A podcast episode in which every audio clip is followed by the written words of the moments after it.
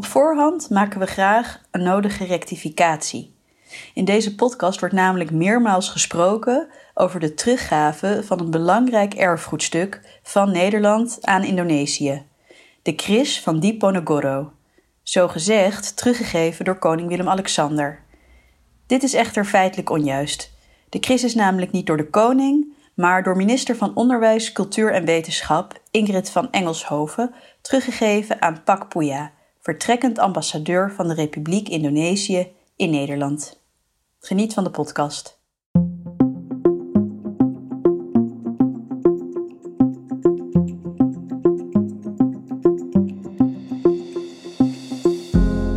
U luistert naar deel 2 van een driedelige podcastserie van Dutch Culture naar aanleiding van de Boekman-publicatie 50 jaar internationaal cultuurbeleid.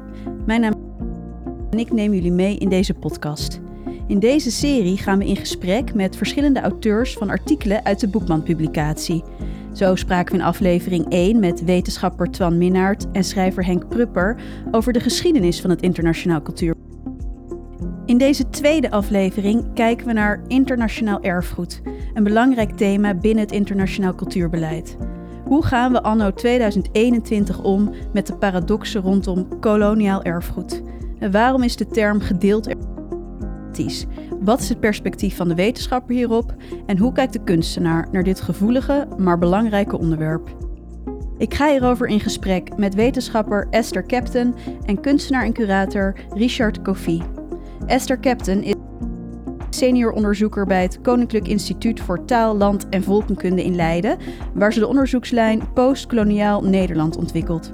En daarnaast is ze als onderzoeker betrokken bij het programma Dekolonisatie, Onafhankelijkheid, Geweld en Oorlog Indonesië 1940 en voorzitter van stichting Ketty Kotti Tafel.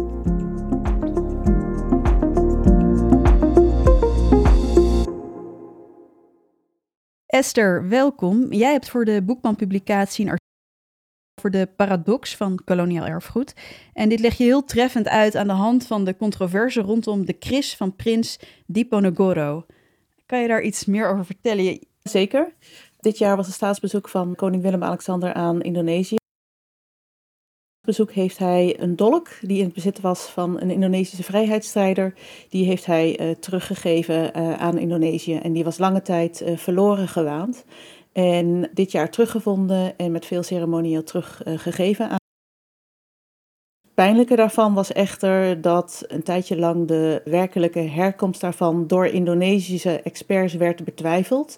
En dat je dus eigenlijk ziet dat een instrument wat als verzoening was beoogd, als een diplomatiek eigenlijk min of meer werd afgewezen van de Indonesische zijde. Dus daarmee vond ik het zelf uh, ja, wel een pijnlijk voorbeeld van goede bedoelingen, maar niet de gewenste uitwerking. Inmiddels geloof ik wel dat het opgenomen is in het Nationaal Museum in Indonesië. Van die gebeurtenis ja, vond ik het wel weer een typisch voorbeeld van hoe dat soort goede bedoelingen ook minder goed kunnen uitwerken.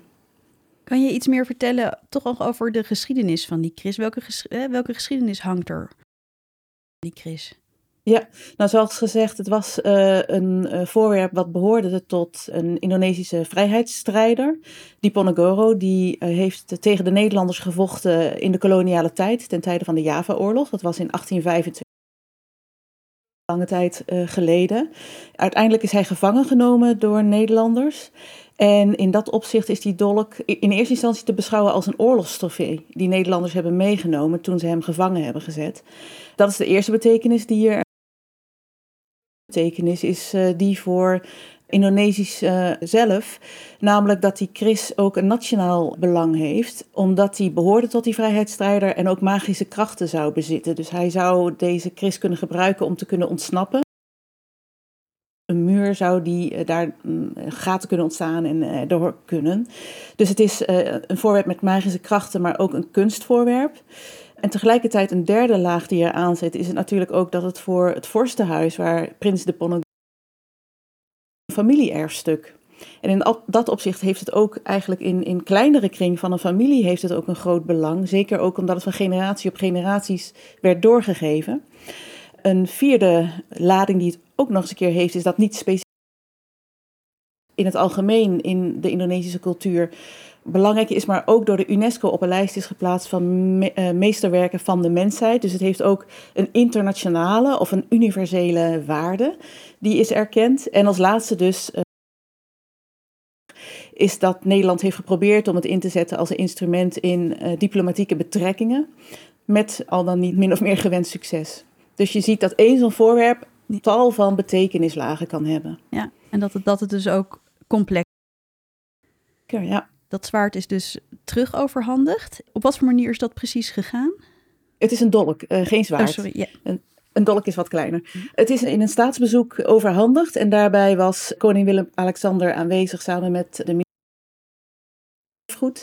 En daarbij heeft hij ook zijn excuses aangeboden voor het geweld dat Nederlandse militairen ten tijde van de Indonesische onafhankelijkheidsstrijd hebben aangericht. En wat ook pikant is en wat heel veel mensen niet hadden voorzien, excuses inleiden. En dat deed hij op een uh, manier waarvan, toen ik het hoorde, dacht van nou, de wijze waarop hij daar moeite mee heeft. Het is heel vaak gepersifleerd en daar heb ik wel een beetje medelijden met de koning, maar toch de hakkelende manier, de stotterende. geeft volgens mij ook onbewust aan dat hij ook merkt, weet hoe beladen het is. En ja, dat excuses sowieso moeilijk zijn om te maken. En dat zie je bij hem dan ook wel heel duidelijk. Uh, dat hoor je met name. Zullen we er even naar luisteren? We're looking forward to days. Our visit has a wonderful, future-oriented program. At the same time, it's a good thing that we continue to face up to our past. The past cannot be erased and will be changed by each generation in turn. In the years immediately after the proclamation, a painful separation followed that cost many lives. In line with earlier statements by my government, I would like, I would like to express my, and repeat regret and uh, apologies for the excessive violence on the part of the Dutch in those years. And I do so in the full realization the pain and sorrow of the families affected continue to be felt today. It is a hopeful and encouraging sign that countries which were once on opposite sides have been able to grow closer and build a relationship based on respect, trust, and friendship. The ties between us are becoming ever stronger and more diverse. That gives me great pleasure, and I know that this feeling is widely shared in the Netherlands.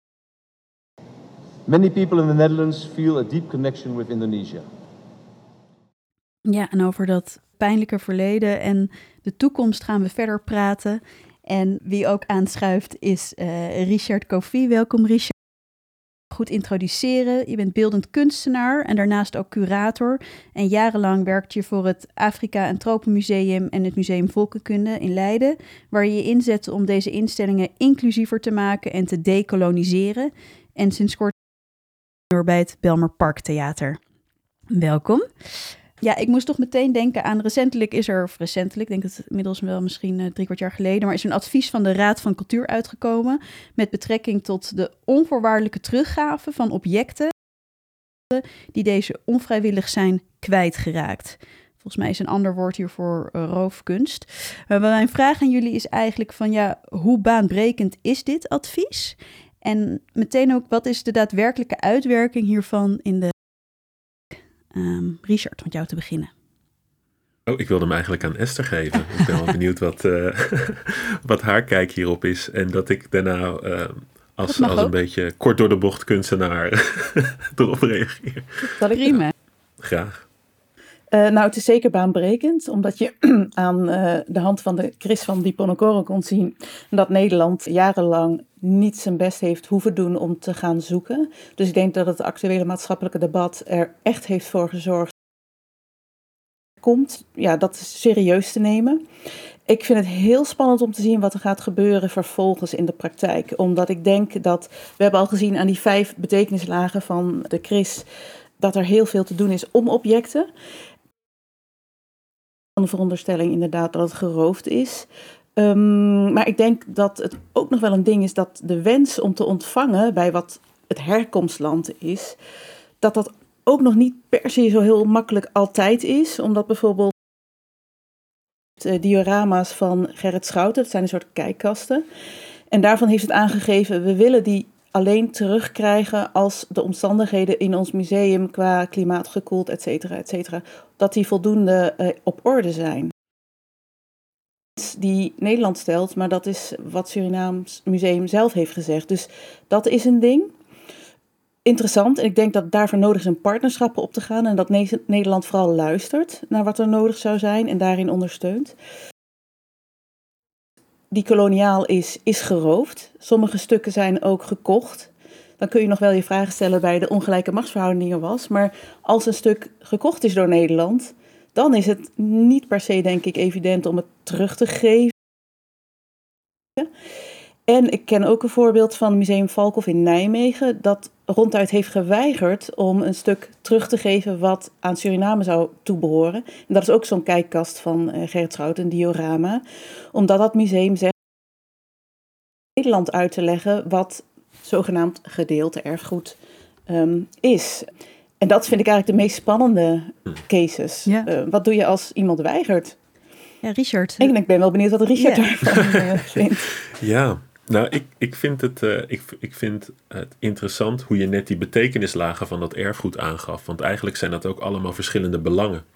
En die zijn enorm in elkaar verstrengeld natuurlijk. En die hebben enorm, ja, zijn enorm aan elkaar aan het, uh, aan het trekken. In dat advies van de Raad van Cultuur zit ook dat overheden met elkaar uiteindelijk het moeten gaan uitmaken hoe dat, dat erfgoed zich een weg terug vindt. Nou ja, dan heb je natuurlijk allerlei valkuilen. Als in dat bijvoorbeeld een community of een familie, hè, zoals je net al noemde, een goede relatie moet hebben met de eigen overheid. Om ervoor te kunnen zorgen dat je uh, bepaalde dingen kan aankaarten, bepaalde dingen kan terugkrijgen. En die overheid moet dat dan ook maar in hun prioriteitenlijst hebben. Dat terwijl dat voor jouw community en jouw regio en jouw stad of wat dan ook voor, voor samenstelling je. Uh, ja, dat terug wil eigen, eigenen, um, uh, koninkrijk of iets dergelijks binnen een land. Ja, die relatie moet maar goed genoeg zijn, zeg maar. En je bent dus eigenlijk heel erg afhankelijk van alsnog de structuur waar je binnen al, nou ja, uh, waar binnen al het een en ander gebeurt. Mag ik daar meteen iets vragen, Richard? Dat is heel interessant nu. Want ik denk van, jij zegt eigenlijk van oké, dus stukken die nu zeg maar Nederlands nationaal bezit zijn, hè, die, die gaan dan terug en worden dan bijvoorbeeld nationaal bezit. Maar stel je voor, ze waren ooit een soort van privaat bezit. Ja, hoe komen ze dan ooit nog bij de privé-eigenaar? En toen dacht ik meteen van, hoe zit het dan met geroofde kunst die in Nederland misschien wel in privébezit is? Advies daar ook nog over of staat dat er helemaal buiten? Nou ja, het, het, het, is heel erg complex, zeg maar. En dat is, dat is iets wat ook alweer heel erg mooi is. Ik denk dat er ook een bepaalde kracht in zit. Kijk, je zag ook in het, in het uh, geval van die, uh, van die dolk dat er een groot politiek statement mee gemaakt werd. Dat terwijl de realiteit van het object zelf eigenlijk veel gelaagder en veel complexer is. En dat er veel meer voorbereiding, overleg en ook uh, inbreng vanuit Indonesië nodig was om het echt goed te laten verlopen. Nou, dat is uiteindelijk goed gegaan. Maar ik denk dat zodra je erfgoed te veel in de handen van overheden laat, of in ieder geval het te politiek instrument maakt, dat je dan dit soort samenwerkingen, dit soort zorgvuldigheid, ja, de, de kans bestaat dat je dat overslaat of dat daar niet de juiste afwegingen in gemaakt worden. Dus ik hoop dat wat er ook gebeurt hiermee, en ik, ik, heb, ik vind het zeker ook een, heel positieve, uh, positieve gebeurtenis hoor, maar dat er ook een soort nieuwe verantwoordelijkheid en een nieuwe, ja, nieuwe verantwoordelijkheid bij instituten komt te liggen, zoals musea, om daarin te mediaten, om ervoor te zorgen dat bijvoorbeeld communities die uh, quote-unquote inheems zou kunnen noemen, of die inderdaad in Indonesië zijn, met communities die hier in de diaspora leven, samen kan laten inmengen, ervoor kan zorgen dat, dat iedereen de, de, de juiste en dezelfde informatie heeft, zeg maar, en dat die ook goed gedeeld wordt. Ik zie het veel meer als iets waar, waar een nieuwe verantwoordelijkheid voor musea in komt te liggen, of voor universiteiten, of voor uh, archieven. Ja, want het is nog te veel dus op nationaal niveau momenteel. Het, het kan te veel politiek gebruikt worden ja. en dat is niet altijd een zorgvuldige manier van omgaan met erfgoed. Nog een heel korte vraag hierover, Esther. Als, als nou het enige argument is dat musea in de, hè, in de ontvangende landen zeg maar, rust zijn hè, om uh, de kunst.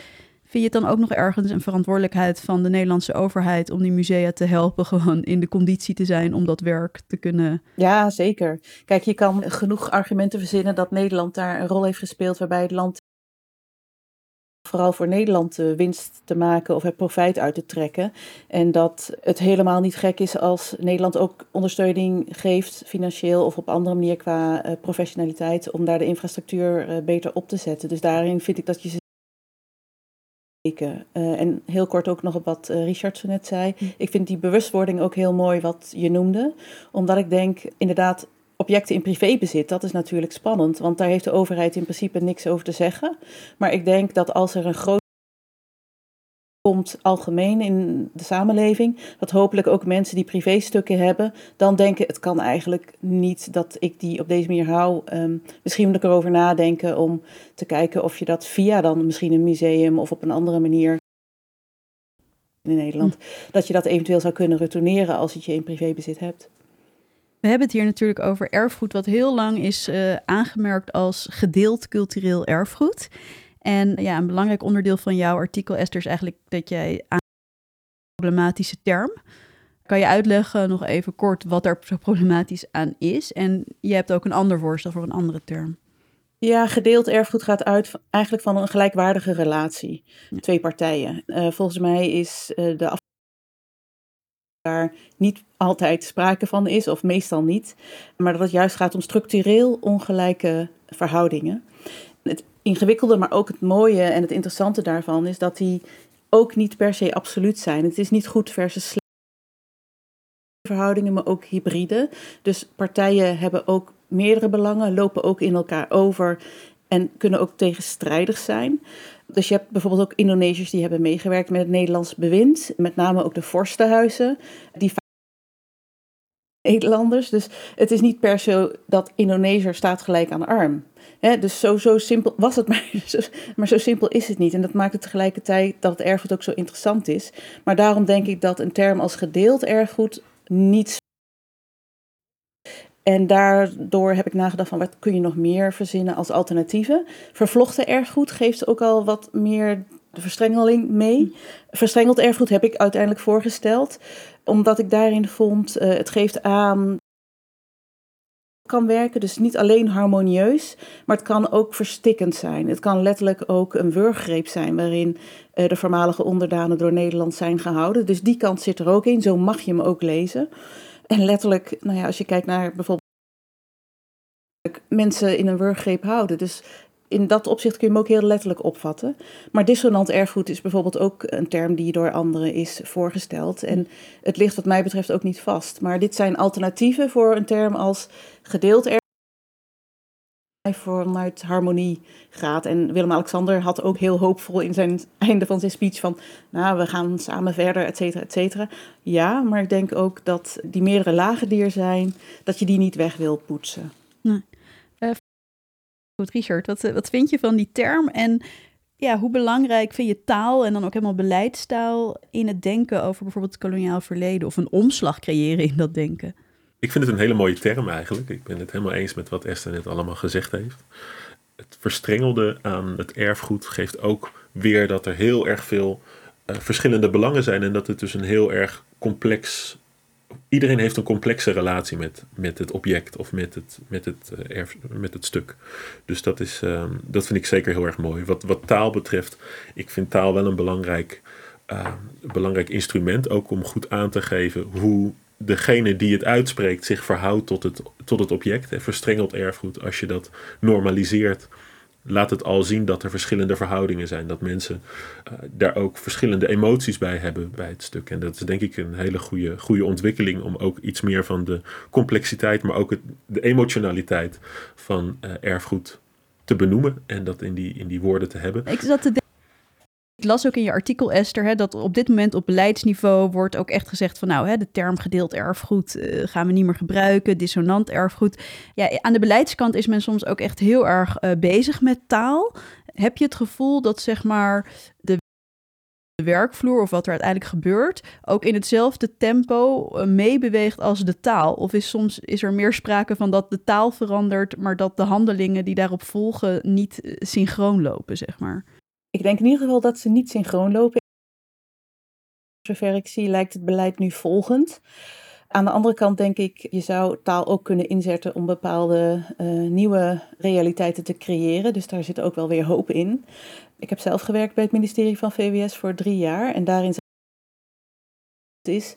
Maar tegelijkertijd was ik daar wel aangesteld als projectleider Indisch erfgoed. Dus voor mij was het ook een soort pocket waarin er een bepaalde mate van vrijheid was, waarin je juist als beleidsambtenaar dingen kon veranderen. En dat heb ik geprobeerd in die korte tijd ook te doen. Indisch erfgoed van de oorlog. Het ging over erfgoed van de Tweede Wereldoorlog. In eerste instantie had dat programma het alleen over Nederland. Totdat ze bling door hadden. Oh, we hebben ook nog een kolonie.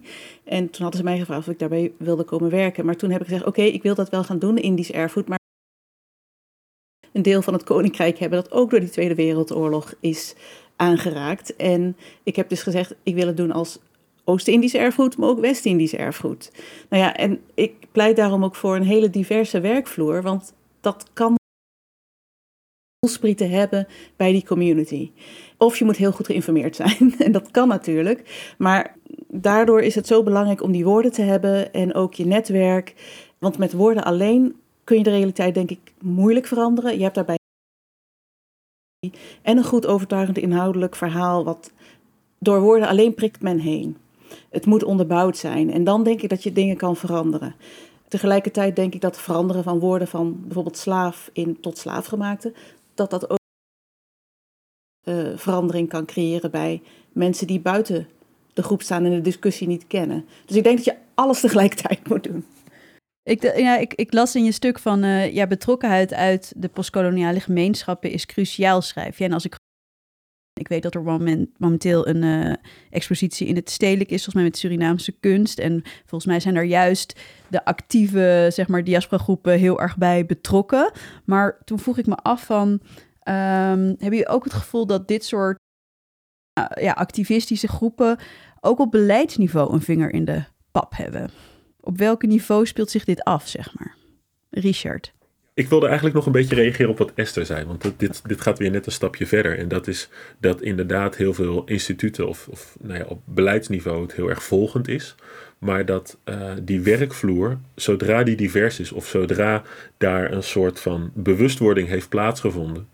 Uh, en, en medewerkers ook echt tussen de mensen staan, zeg maar, en in die discussie staan, dan kunnen dingen wel heel snel veranderen. In de tijd dat ik bij het nou ja, Tropenmuseum bijvoorbeeld werkte, of nou ja, ik heb ook klussen bij het AI gedaan waar ongeveer hetzelfde gaande was, dat daar medewerkers tussen zaten die gewoon heel erg bewust waren van. Zij waren zich bewust van de complexiteit van de materie waarmee ze werkten. En daarom wilden ze ook andere stemmen uitnodigen. Uh, ervoor zorgen dat ja, dat er een bepaalde discussie vertegenwoordigd werd in de projecten die ze maakten. En ook dat daar een bepaalde toekomstvisie aan gekoppeld werd. Waarin dan bijvoorbeeld een uh, directie heel erg volgend was ten opzichte van de medewerkers. Dus om het ook een beetje op te nemen voor de, uh, de, de medewerkers en dat soort instituten. Die wel die, uh, die bewustwording hebben en die wel proberen die, die link te maken tussen wat er binnen gebeurt en wat er in de maatschappij gebeurt. En of dat zich al naar beleidsniveau vertaalt. Ja, dat is wel een lastige. Eh, je ziet op verschillende plekken wel veranderingen gebeuren. Uh, bijvoorbeeld bij het stedelijk, waar Charles Landvreugd nu een hele goede positie heeft uh, gekregen. Uh, Wayne Modest binnen het Nationaal Museum van Wereldculturen, die nu inhoudelijk directeur is geworden. Dus ja, daar zie je wel dat er een soort van gatekeeper zal zijn.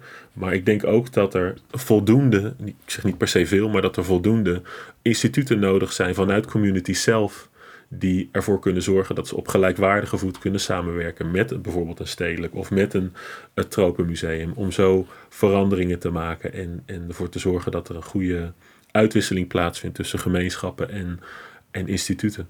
Dus bijvoorbeeld een Black Archives, om maar wat te noemen. Maar er zijn er, er, zijn er meer en er zijn er nog veel meer in wording. Ik denk dat van twee kanten moet komen. Dus intern dat er mensen op bepaalde posities komen die nieuwe beslissingen en nieuwe ideeën kunnen opwerpen. En dat er eigen instituten nodig zijn. Ja, volgens mij is het ook niet per se dat ze tegenover elkaar hoeven te staan, terwijl het wel zo vaak wordt geplaatst in de beeldvorming. En dat vind ik jammer, omdat ik denk, activisten hebben niet een vinger in de pap. Je zou eigenlijk willen dat het wel zo was, maar het is heen te komen. Maar de instituten aan de andere kant kunnen ze ook niet links laten liggen. Want daarvoor is hun stem nou te sterk en, en te belangrijk. En de instituten moeten er zeker iets mee. En ik zou er heel erg voor pleiten om meer de uh, op ons te nemen, omdat ik zelf, ik ben nu geïnstitutionaliseerd als historicus bij een gerenommeerd instituut, maar dat beperkt in een bepaalde manier ook mijn schrijfwijze, omdat dat moet voldoen aan bepaalde wetenschappelijke criteria. Terwijl ik ook andere stem heb die veel meer uitgesproken kan zijn. Dat kan ik ook wel uiten in andere media, maar eigenlijk zitten die dubbele identiteiten zit natuurlijk ook in mijzelf. En het is een soort schijntegenstelling. Uh, het is wel dat de een meer uh, toegang heeft tot het de opinie en kranten dan anderen. En de rol van activisten is ook wel dat je daarin meer vrijheid kan nemen dan soms de mensen die in de instituten zitten. En daarin hebben we elkaar denk ik nodig, want uiteindelijk um, is de manier misschien verschillend, maar ik denk voor een groot deel werken aan dezelfde doelstellingen.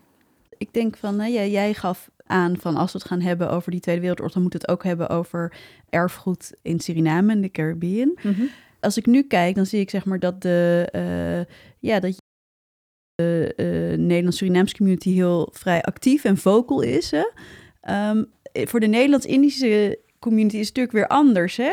Indische Nederlanders is natuurlijk iets anders dan Indonesische Nederlanders. Mm, uh, die hebben ook hebben een andere geschiedenis lang. Dus in hoeverre hebben zij een stem, zeg maar, als het gaat over dat verstrengelde erfgoed? En hoe komt dat tot uiting?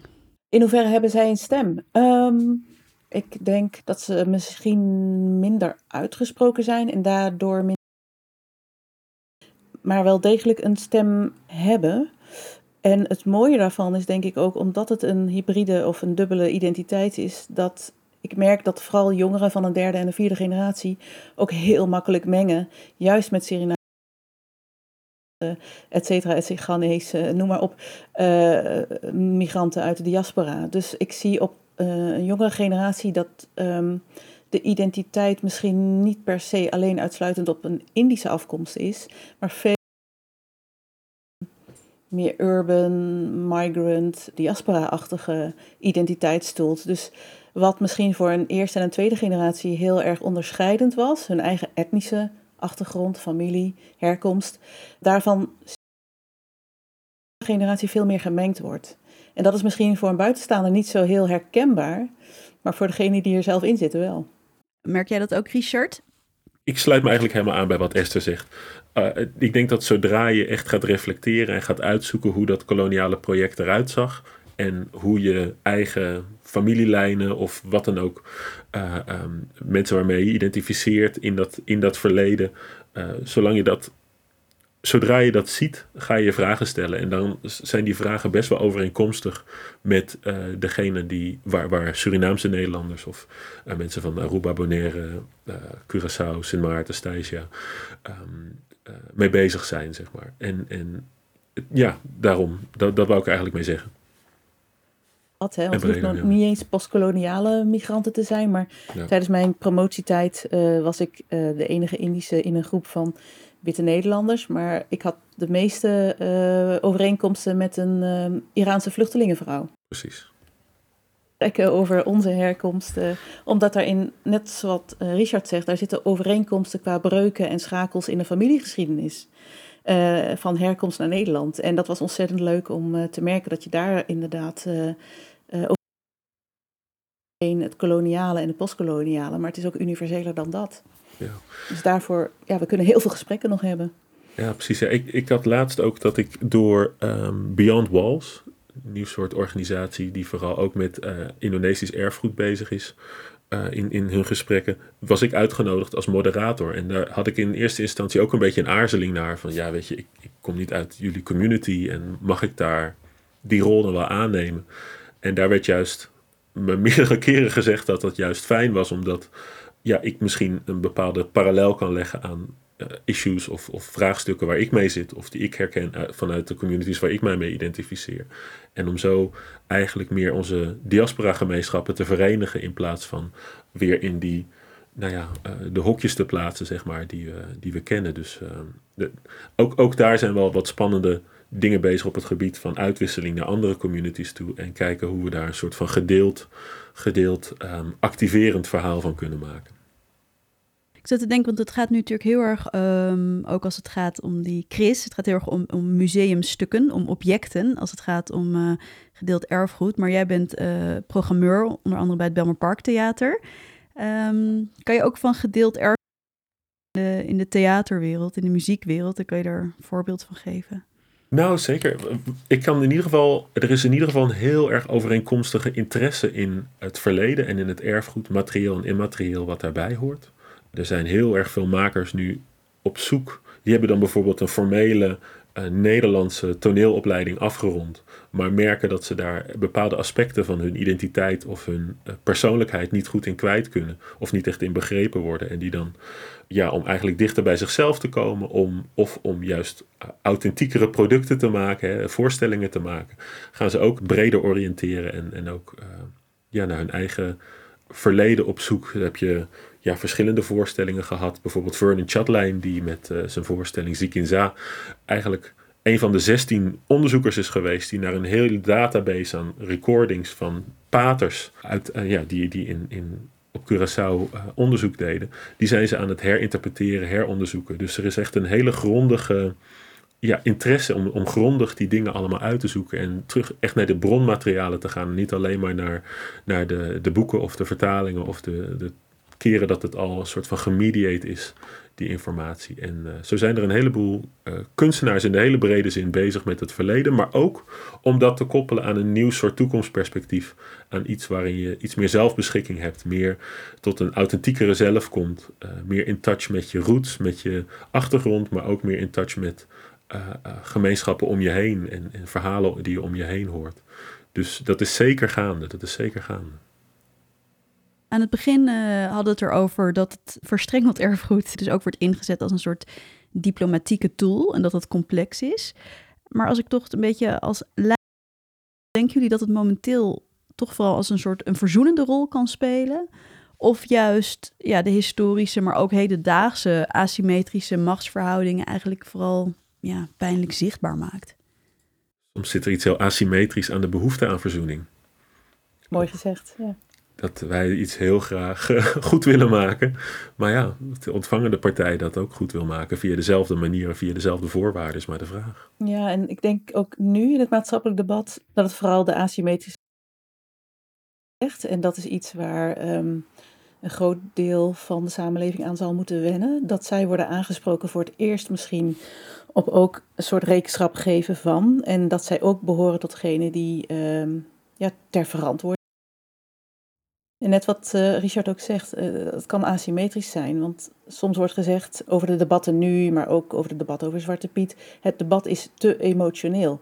Dan denk ik, ja, dat komt omdat het voor veel Nederlanders de eerste keer is dat het hun. Terwijl voor mensen uit de diaspora of uit migrantengroepen is het sowieso vaak emotioneel al jaren, al decennia lang. Maar dat is een soort blinde vlek die sommigen zich kunnen permitteren. Dat je nu pas denkt, het wordt emotioneel. En ik een interessante tijd leven waarin veel meer mensen um, worden aangesproken. En dat is niet altijd makkelijk, um, maar het is goed dat het gebeurt. Misschien dat het op een gegeven moment ook wel weer meer richting verzoening gaat, maar het, pijnlijk. En misschien is het goed om dat ook te onderkennen, dat het dat is en is geweest. En dan nog even terugkomen naar dat museum dat zegt van ja, we houden ons diorama, want op die manier kunnen we het verhaal vertellen aan die uh, Nederlanders die maar niet naar hun eigen geschiedenis willen kijken. Hoe bezie je context? Ja, ik vind, uh, ik ben daar nog niet helemaal over uit. Want ik vind het echt wel moeilijk. Um, ik vind het ook opvallend, omdat het de enige en de eerste keer is dat ik dat zo hoorde. En ik dacht van wow. Um, ik vind het heel lastig.